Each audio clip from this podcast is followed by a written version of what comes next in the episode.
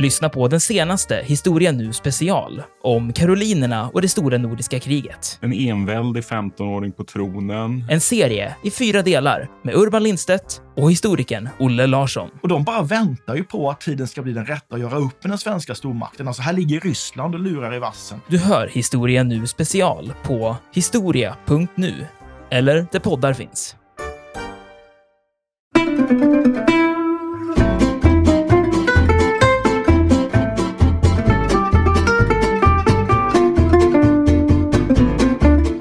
Här mytiska Atlantis som de gamla grekerna med Platon i spetsen lovprisade som någon slags försvunnen kulturens vagga som hade försvunnit i havet en gång i tiden.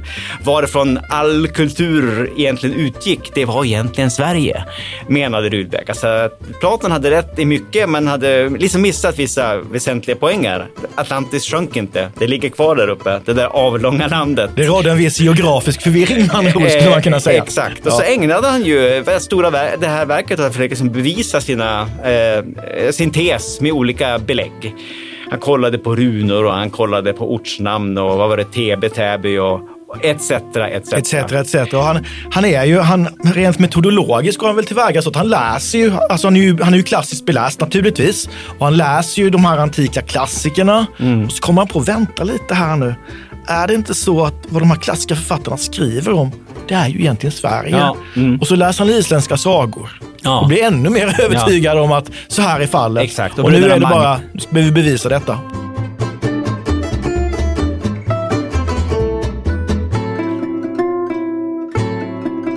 Podden En oväntad historia utgår från en liten händelse för att med glimten i ögat berätta den stora historien.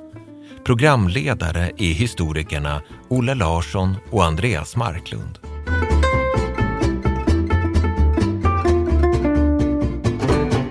Hej Andreas! Tjena Olle! Ses vi igen? Härligt!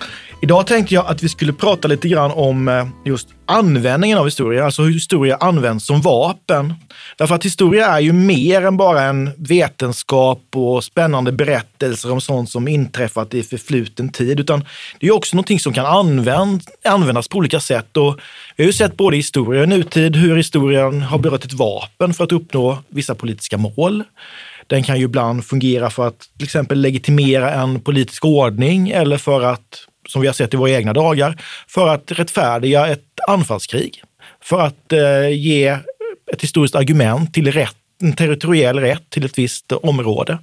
Och när jag säger det så tänker jag naturligtvis på kriget i Ukraina som just nu pågår för fullt. Mm. Men jag tänkte vi skulle återkomma till det. Men temat för dagen är alltså just om historia som vapen. Och eh, då kommer man ju osökt in på det här med ursprungsmyter. Vem var först någonstans? Mm. Eh, varför är saker och ting som det är? Jag tänkte jag skulle inleda med att fråga dig, har du någon sån här historisk myt som du har fastnat för?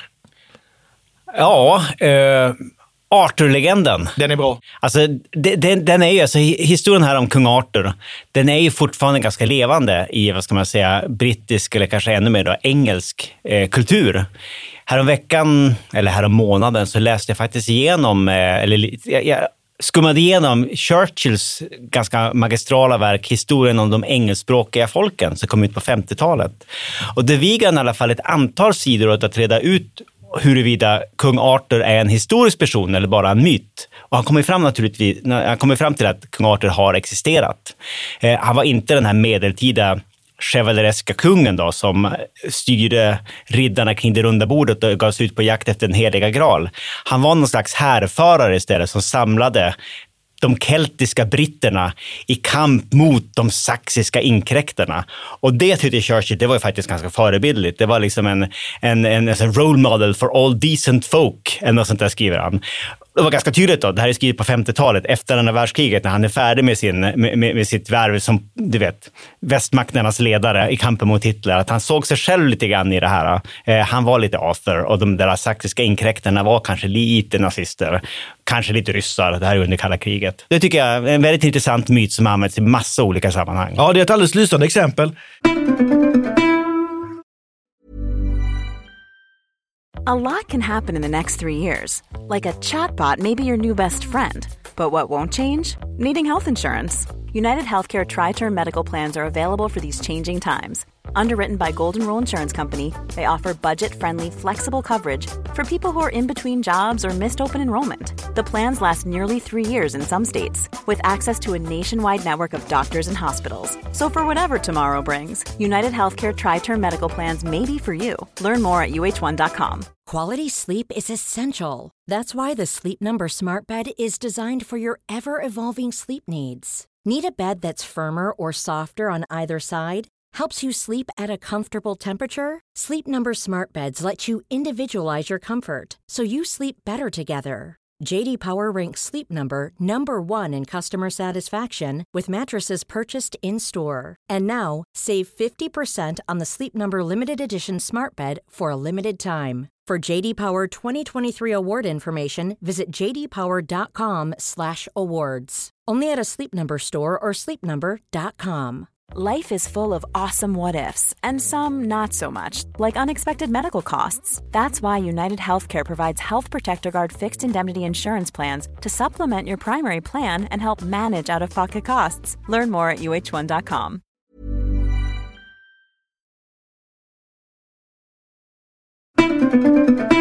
Själv är jag ju mycket fascinerad av det här som vi känner som, som svensk eh, göticism egentligen. Att de här storslagna myterna om ett, ett fantastiskt förflutet som börjar florera stort i Sverige under framförallt under 1600-talet. Just det. Men jag tänkte att jag ska börja med en, en liten tidsbild och en av de här historieberättarna som faktiskt är ganska okänd utanför Småland. Eh, Andreas, vi ska bege oss till eh, Huseby, järnbruk på 1600-talet, några mil utanför eh, Växjö. Och här sitter en man, eh, den före detta regementskvartermästaren vid Kronobergs regemente, numera brukspatron Peter Rudebäck. Och vi befinner oss i början på 1690-talet. Och den här mannen är mycket fascinerad av historia. Och han känner själv när han sitter här på, på, på, på Huseby att han befinner sig i historiens absoluta epicentrum. Att det är liksom om hans trakterna kring Huseby, Albo härad, det är där som allting har inträffat. Och han syr ihop en fantastisk berättelse som publiceras i en skrift som heter Forna Ridgöta eller Småländska antikviteter. Och man kan kort säga att det här är en, det här är en fantastisk brygd där han blandar ortsnamn, där han får in eh, fornlämningar. Så kryddar han det här med en ganska stor rejäl nä- grabbarnäve med danskart och så syr han fantastiska berättelser om Smålands storslagna förflutna. Eh, hans, i, I korthet så handlar det här om att det finns ingen händelse av världshistorisk betydelse som inte har inträffat i Småland. Att ordet Småland skulle ha med Småland att göra, det är honom fullständigt främmande. Nej, nej, nej, säger Peter Rudbeck. Det är så här. Småland hette egentligen Ridgötland efter orten Rydaholm, eller Ridaholm, som var goternas, göternas gamla mönstringsplats. Och härifrån utgick då kolonisationen av hela Europa. Han hittar också i, i, i orten Asa, borde naturligtvis asagudarna. Logiskt. Tröjemåla är ju ingenting annat än Homerus Troja. Och vad som hände i byn Hunna, det förstår vi ju alla. Det var ju här smålänningarna besegrade Attilas hunner. Och här pekar också Peter Rudbeck ut eh, hunnerhövdingen Attilas ölkällare. Det här är ju fantastiskt och han, han sätter ju verkligen liksom Småland i världens mitt. Och det här är 1600-tal och det är ju den här den här typen av historieskrivning som vi känner som, som då göticism, som når sin slags höjdpunkt här. Men jag tänker, eh, om man ska hitta rötterna till det här göticistiska tänkandet så får vi gå längre tillbaka i tiden än så. Och då tänker jag mig att vi beger oss tillbaka till 1430-talet, till ett kyrkomöte i Basel 1435. Och här är det ju oerhört viktigt hur man placerar människor vid förhandlingsbordet. Ju närmare påven, desto bättre. Och följaktligen så uppstår det ju en diskussion här om vem av delegaterna som ska sitta, sitta närmast påven. Och det är framförallt italienska och franska kardinaler som hävdar att de i hänsyn till rang och värdighet borde sitta närmast påven. Men den svenska representanten, Nils Ragnvaldsson, Nicolas Ragnvaldi från Växjö, biskop över Sveriges minsta stift under medeltiden, säger stopp och belägg. Diskussionen är redan avgjord. Jag ska självklart sitta närmast påven. Och när de andra tittar förvånat på honom och säger varför det, då säger han jo, därför att jag kommer från Sverige goternas hemland. Det är vi som har lagt under oss resten av världen. Det är härifrån, från mitt land, som all civilisation har utgått. Och det här står naturligtvis delegaterna med en viss häpnad. Men det här är första gången vi ser, mig vetligt i alla fall, uttryck för den här götesistiska historieskrivningen Ja. på svensk mark. Ja. Vad hände sen? Eh, sen, ja, ska vi kanske börja med att säga några ord om varför det var så eftersträvansvärt Absolut. att eh, vad ska man säga, framhäva en Varför är det bra till, att vara god? Varför vill man vara god? Jo, men alltså, det är väl den mest välkända av de här germanska barbarstammarna kan man väl säga, som liksom välde ut över Europa från något okänt ursprung eh, under folkvandringstiden och nötte ner romarriket, alltså Västrom. Och enligt då, eh, efterföljande då, medeltida krönikeskrivare så liksom underkuvade de så att säga då, romarriket egentligen. Och under medeltiden så var det många historiker som jobbade för olika potentater och kungar som då eh, försökte beskriva då goternas historia, var de kom ifrån och så vidare. Bland annat var det då en, en historiker som själv var got, tror jag, som hade gotiskt ursprung, ursprung som heter Jordanes. Ju- Jordanes, som skrev det här verket Goternas historia, där han pratade om en, ett mytiskt urhem kallat Skansa. Va? Precis. Och det här verket, Som kan vara Skandinavien. Exakt, och det här verket lästes ganska mycket av eh, kyrkliga lärare under medeltiden, inklusive då av eh, svenska kyrkomän. Våran Ragnvaldsson här till exempel. Eh, Och man börjar liksom märka då under 1400-talet att det här- att det här har sipprat in även bland många svenskar då, som börjar liksom framhäva det uppenbara. Det finns en ordmässig likhet mellan eh, det här med goter och götar. Och även gutar tror jag kanske nämndes ibland i sammanhanget. Alltså gutar, alltså, alltså Gotland. Just det.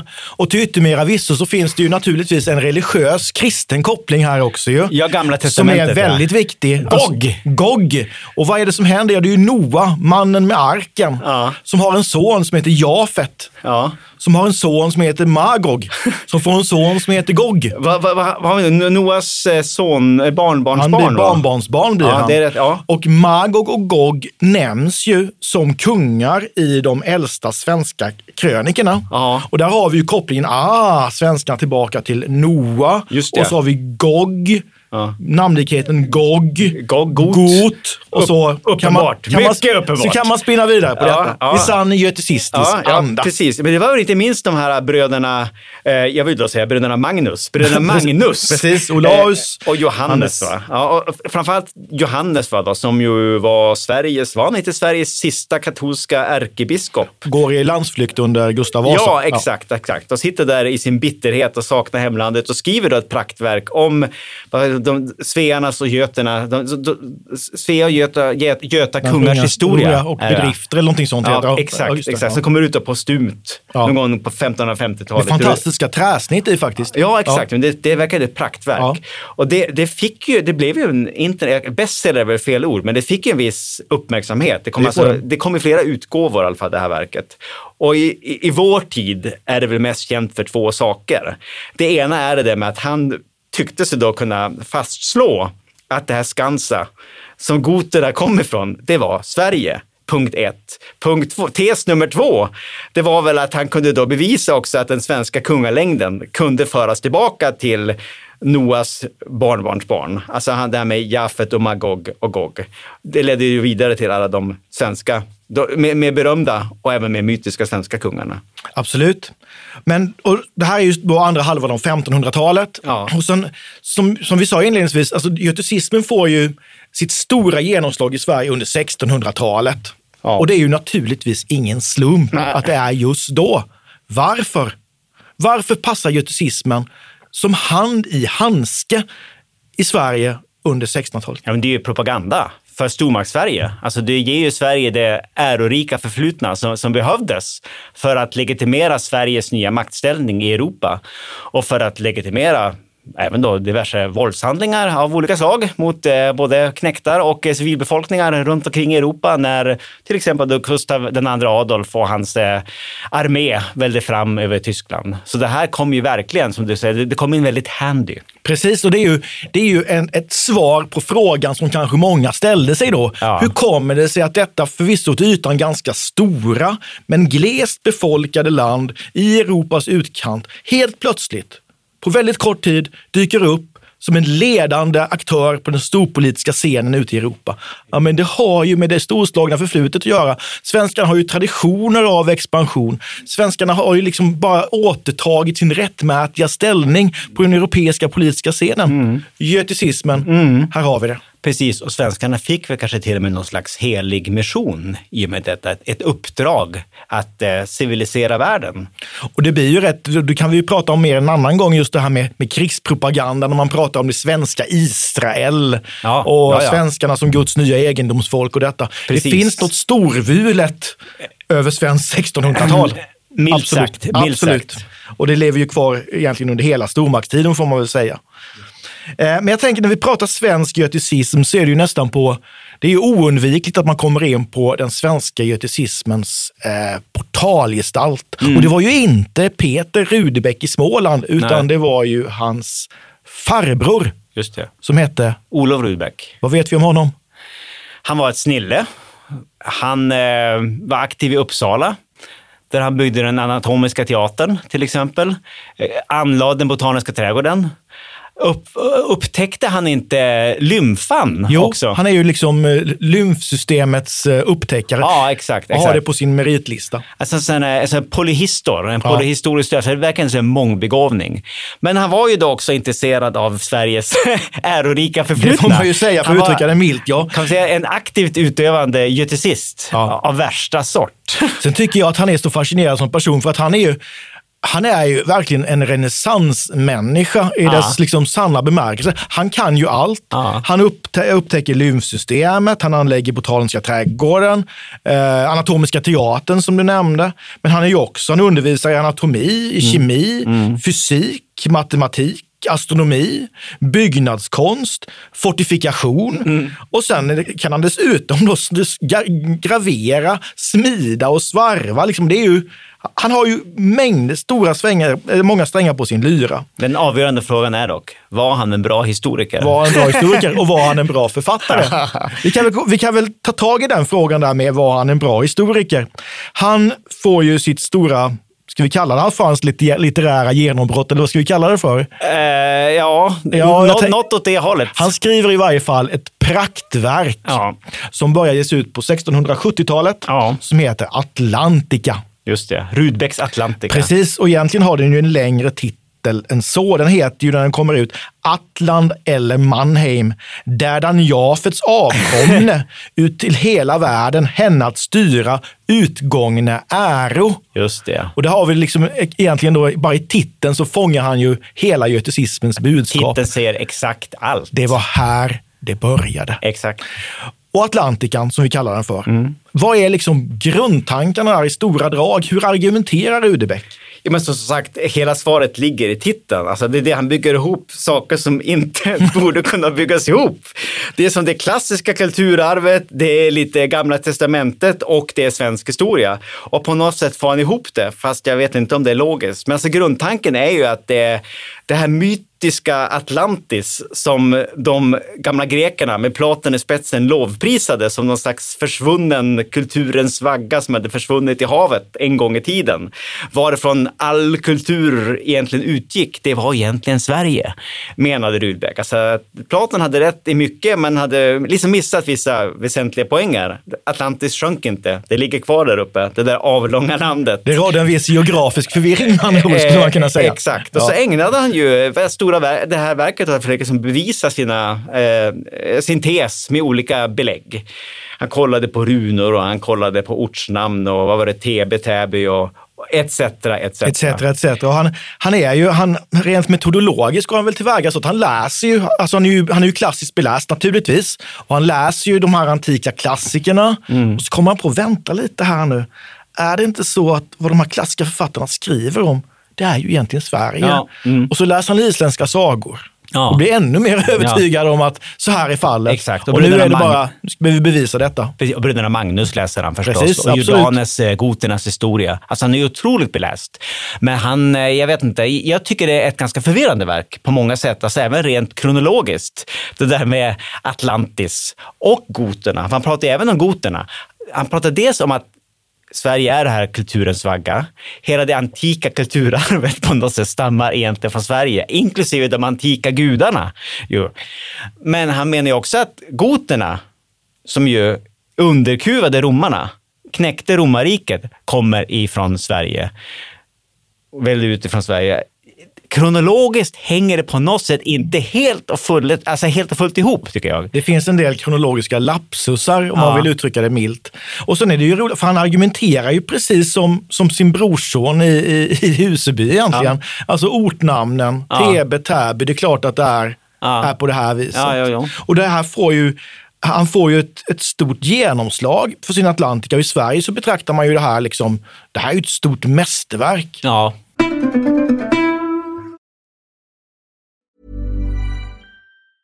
There's never been a faster or easier way to start your weight loss journey than with PlushCare. PlushCare accepts most insurance plans and gives you online access to board-certified physicians who can prescribe FDA-approved weight loss medications like Wigovi and Zepbound for those who qualify. Take charge of your health and speak with a board-certified physician about a weight loss plan that's right for you. Get started today at plushcare.com slash weight loss. That's plushcare.com slash weight loss. plushcare.com slash weight loss. Mom deserves the best, and there's no better place to shop for Mother's Day than Whole Foods Market. They're your destination for unbeatable savings, from premium gifts to show-stopping flowers and irresistible desserts. Start by saving 33% with Prime on all body care and candles. Then get a 15-stem bunch of tulips for just $9.99 each with Prime. Round out Mom's menu with festive rosé, irresistible berry chantilly cake, and more special treats. Come celebrate Mother's Day at Whole Foods Market. A lot can happen in three years, like a chatbot may be your new best friend. But what won't change? Needing health insurance. United Healthcare Tri Term Medical Plans, underwritten by Golden Rule Insurance Company, offer flexible, budget friendly coverage that lasts nearly three years in some states. Learn more at uh1.com.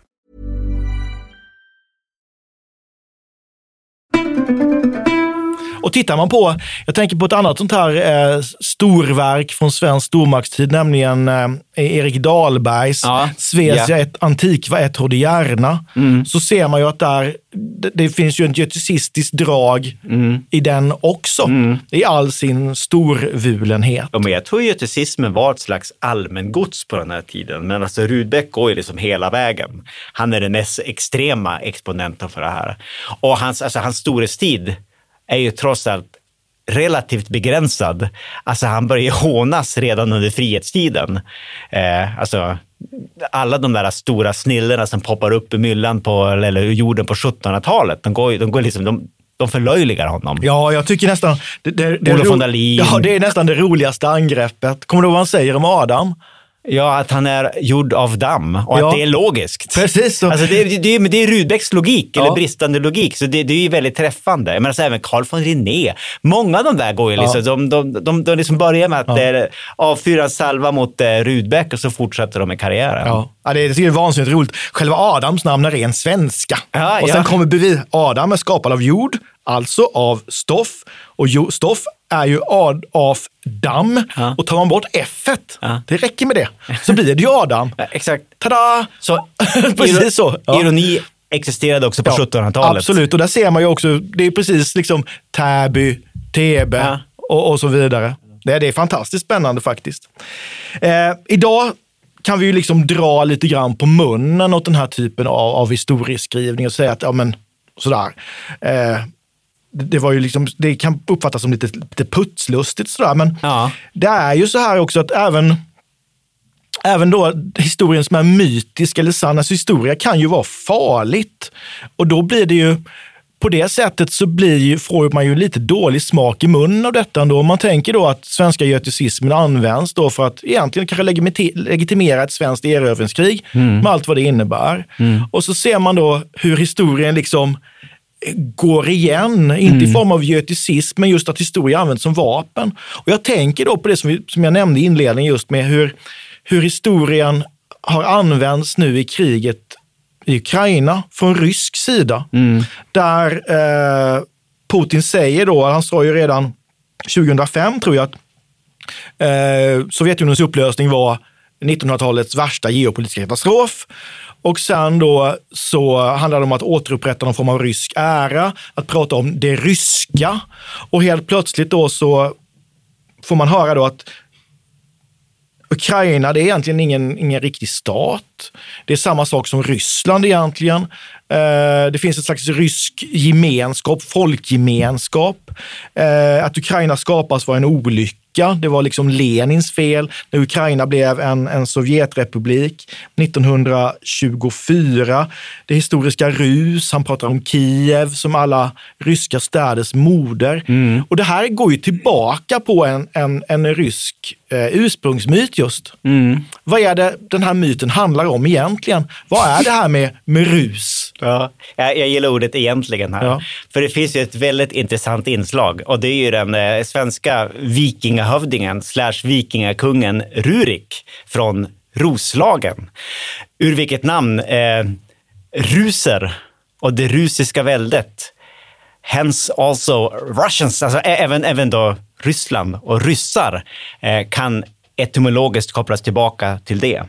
Eh, alltså det finns ju den här historien eh, som nämns i en gammal eh, medeltida krönika kallad Nestorskrönikan. Som skrevs på 1100-talet. 1100-talet som jag tror har en väldigt speciell Alltså det är en väldigt speciell status i både rysk och ukrainsk kultur. Alltså den är någon slags så här, verkligen en väldigt betydelsefull urkund. Där nämns ju den här historien, alltså om eh, de här vikingarna, männen från norr, som eh, färdas längs Dnepr eh, och på vägen grundar det här riket, Kievriket, som jag tror att man på fornnordiska kallade för Känygård. Va? Någonting sånt, ja. Mm. Alltså alla Miklagård, Konstantinopel, Känygård. Eh, och eh, med tiden så växte det upp då ett riktigt välde här och det utvecklades en riktig kungadynasti, den rurikska ätten, eh, baserad på den här vikingahövdingen och hans, hans ättlingar. Och han kom då, enligt då den här krönikan då, norrifrån, möjligen då från, från Roslagen. Han var helt enkelt rospigg. Ja, en, han var en rospigg. Alltså, och nu snackar vi där som området norr om Stockholm. Just det, Ku- kust, kustområdet ja, norr om Stockholm. Ja, norra, eller v- vad, blir det? Det blir östra Uppland. Just det. Alltså norra skärgården. Och den här ruriska ätten som du nämnde, den styr ju Ryssland förskräckligt länge. Alltså Ja. egentligen då från eh, 900, 860-talet Ja, fram till 1598 då den dör ut och sen orsakar, går det över det stora oredan då. Ja, stora det. ryska inbördeskriget som Just leder det. till ätten Romanovs eh, tillträde till den ryska tronen 1613. just det. Så och det, blir ju också den sista kungaätten som, eller tsarätten eftersom det är den ätten som abdikerar Just det. 1917. Just det, det är sant. Men det är rätt intressant här för alltså, jag har för mig att det är så att de, de det är alltså bråk i, i, i Kiev-trakten. Är det inte så? Det är inte, det är inte så det börjar. Det är bråk och de behöver någon hjälp utifrån som ska styra upp det här. Ja. Och då hämtar man de här folket från, från Roslagen som följer med dem Ja. och styr liksom upp hela verksamheten. Ja, precis. De- de- Det det är nog initiala kontakter. Det existerar Ja. kontakter förmodligen på grund av att de här vikingarna reser längs Dnepr på väg mot eh, Miklagård, på väg mot Konstantinopel. Eh, och de, jag, jag tror de har, de har någon slags medlande funktion i början. Vilket är lite bisarrt. De använder sig av någon slags vikingatyper som mäklare. Eh, Men alltså det är det som blir grunden för det här Kievriket, alltså det russiska, första russiska väldet. Men det, men det existerar väl inte, det är, det är inte någon total kontinuitet fram till 1500-talet, för det underläggs väl den gyllene horden, alltså det här absolut, mong- mongolväldet, kan, det här östeuropeiska delen av mongolernas kanatvälde.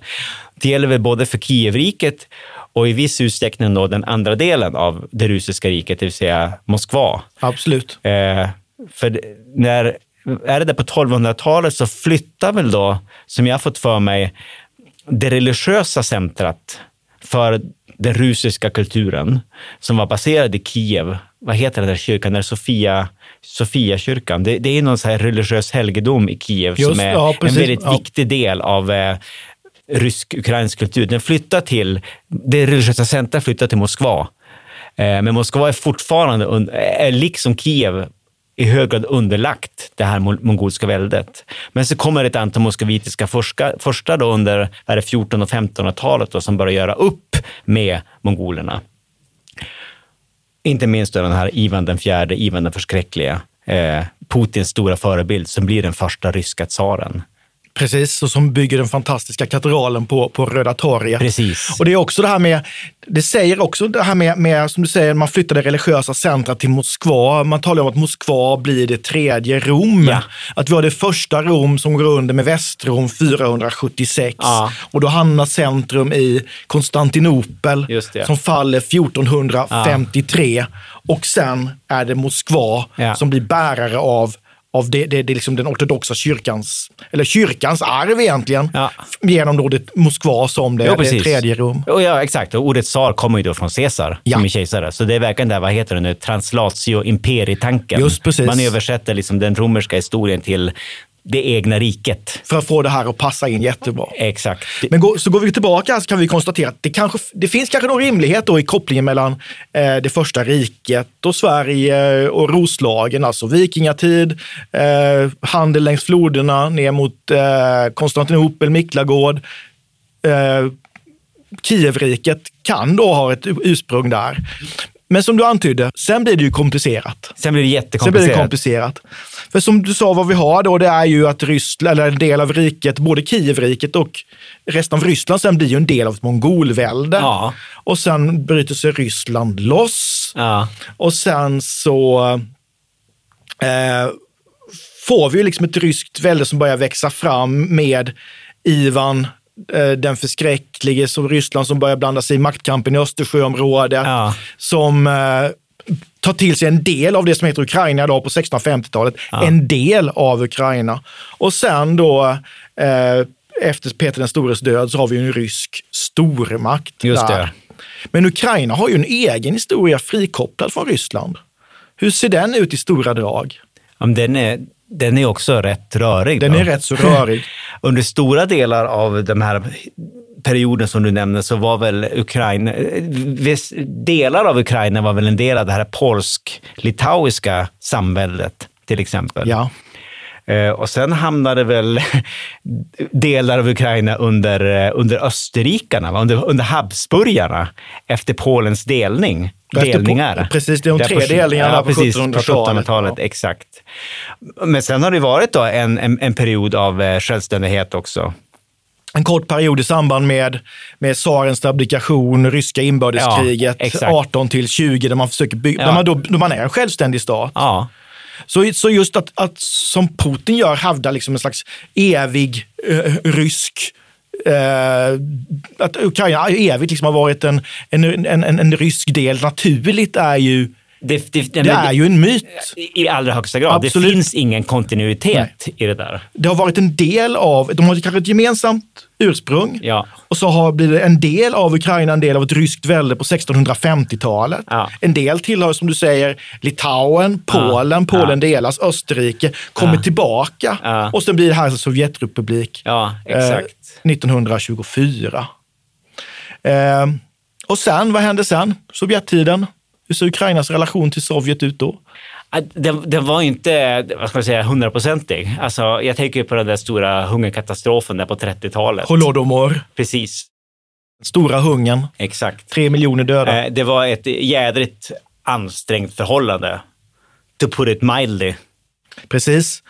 Och så kan man ju heller inte bortse från att Ukraina faktiskt har varit självständigt sedan 1991. Exakt. Och ändå försökt gå sin egen väg.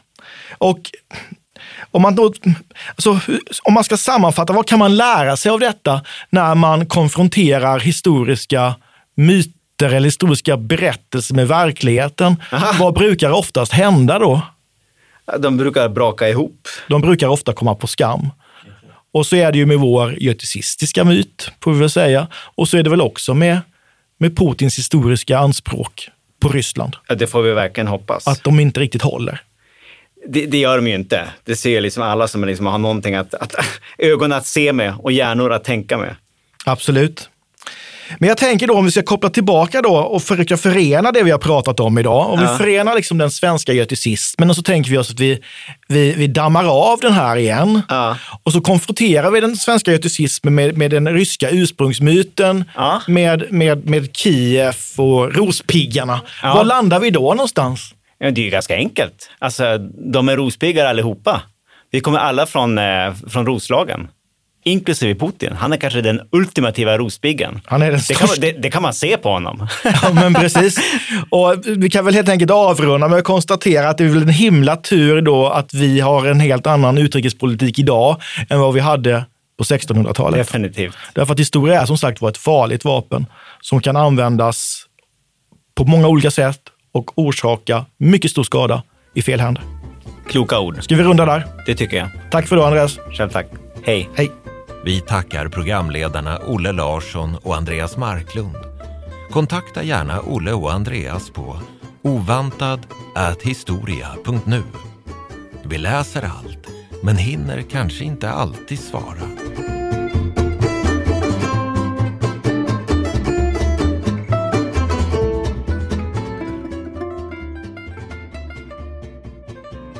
Vi tackar programledarna Olle Larsson och Andreas Marklund. Kontakta gärna Olle och Andreas på ovantad@historia.nu. Vi läser allt, men hinner kanske inte alltid svara.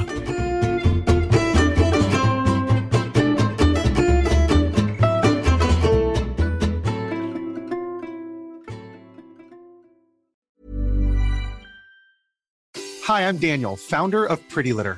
Cats and cat owners deserve better than any old fashioned litter. That's why I teamed up with scientists and veterinarians to create Pretty Litter. Its innovative crystal formula has superior odor control and weighs up to 80% less than clay litter.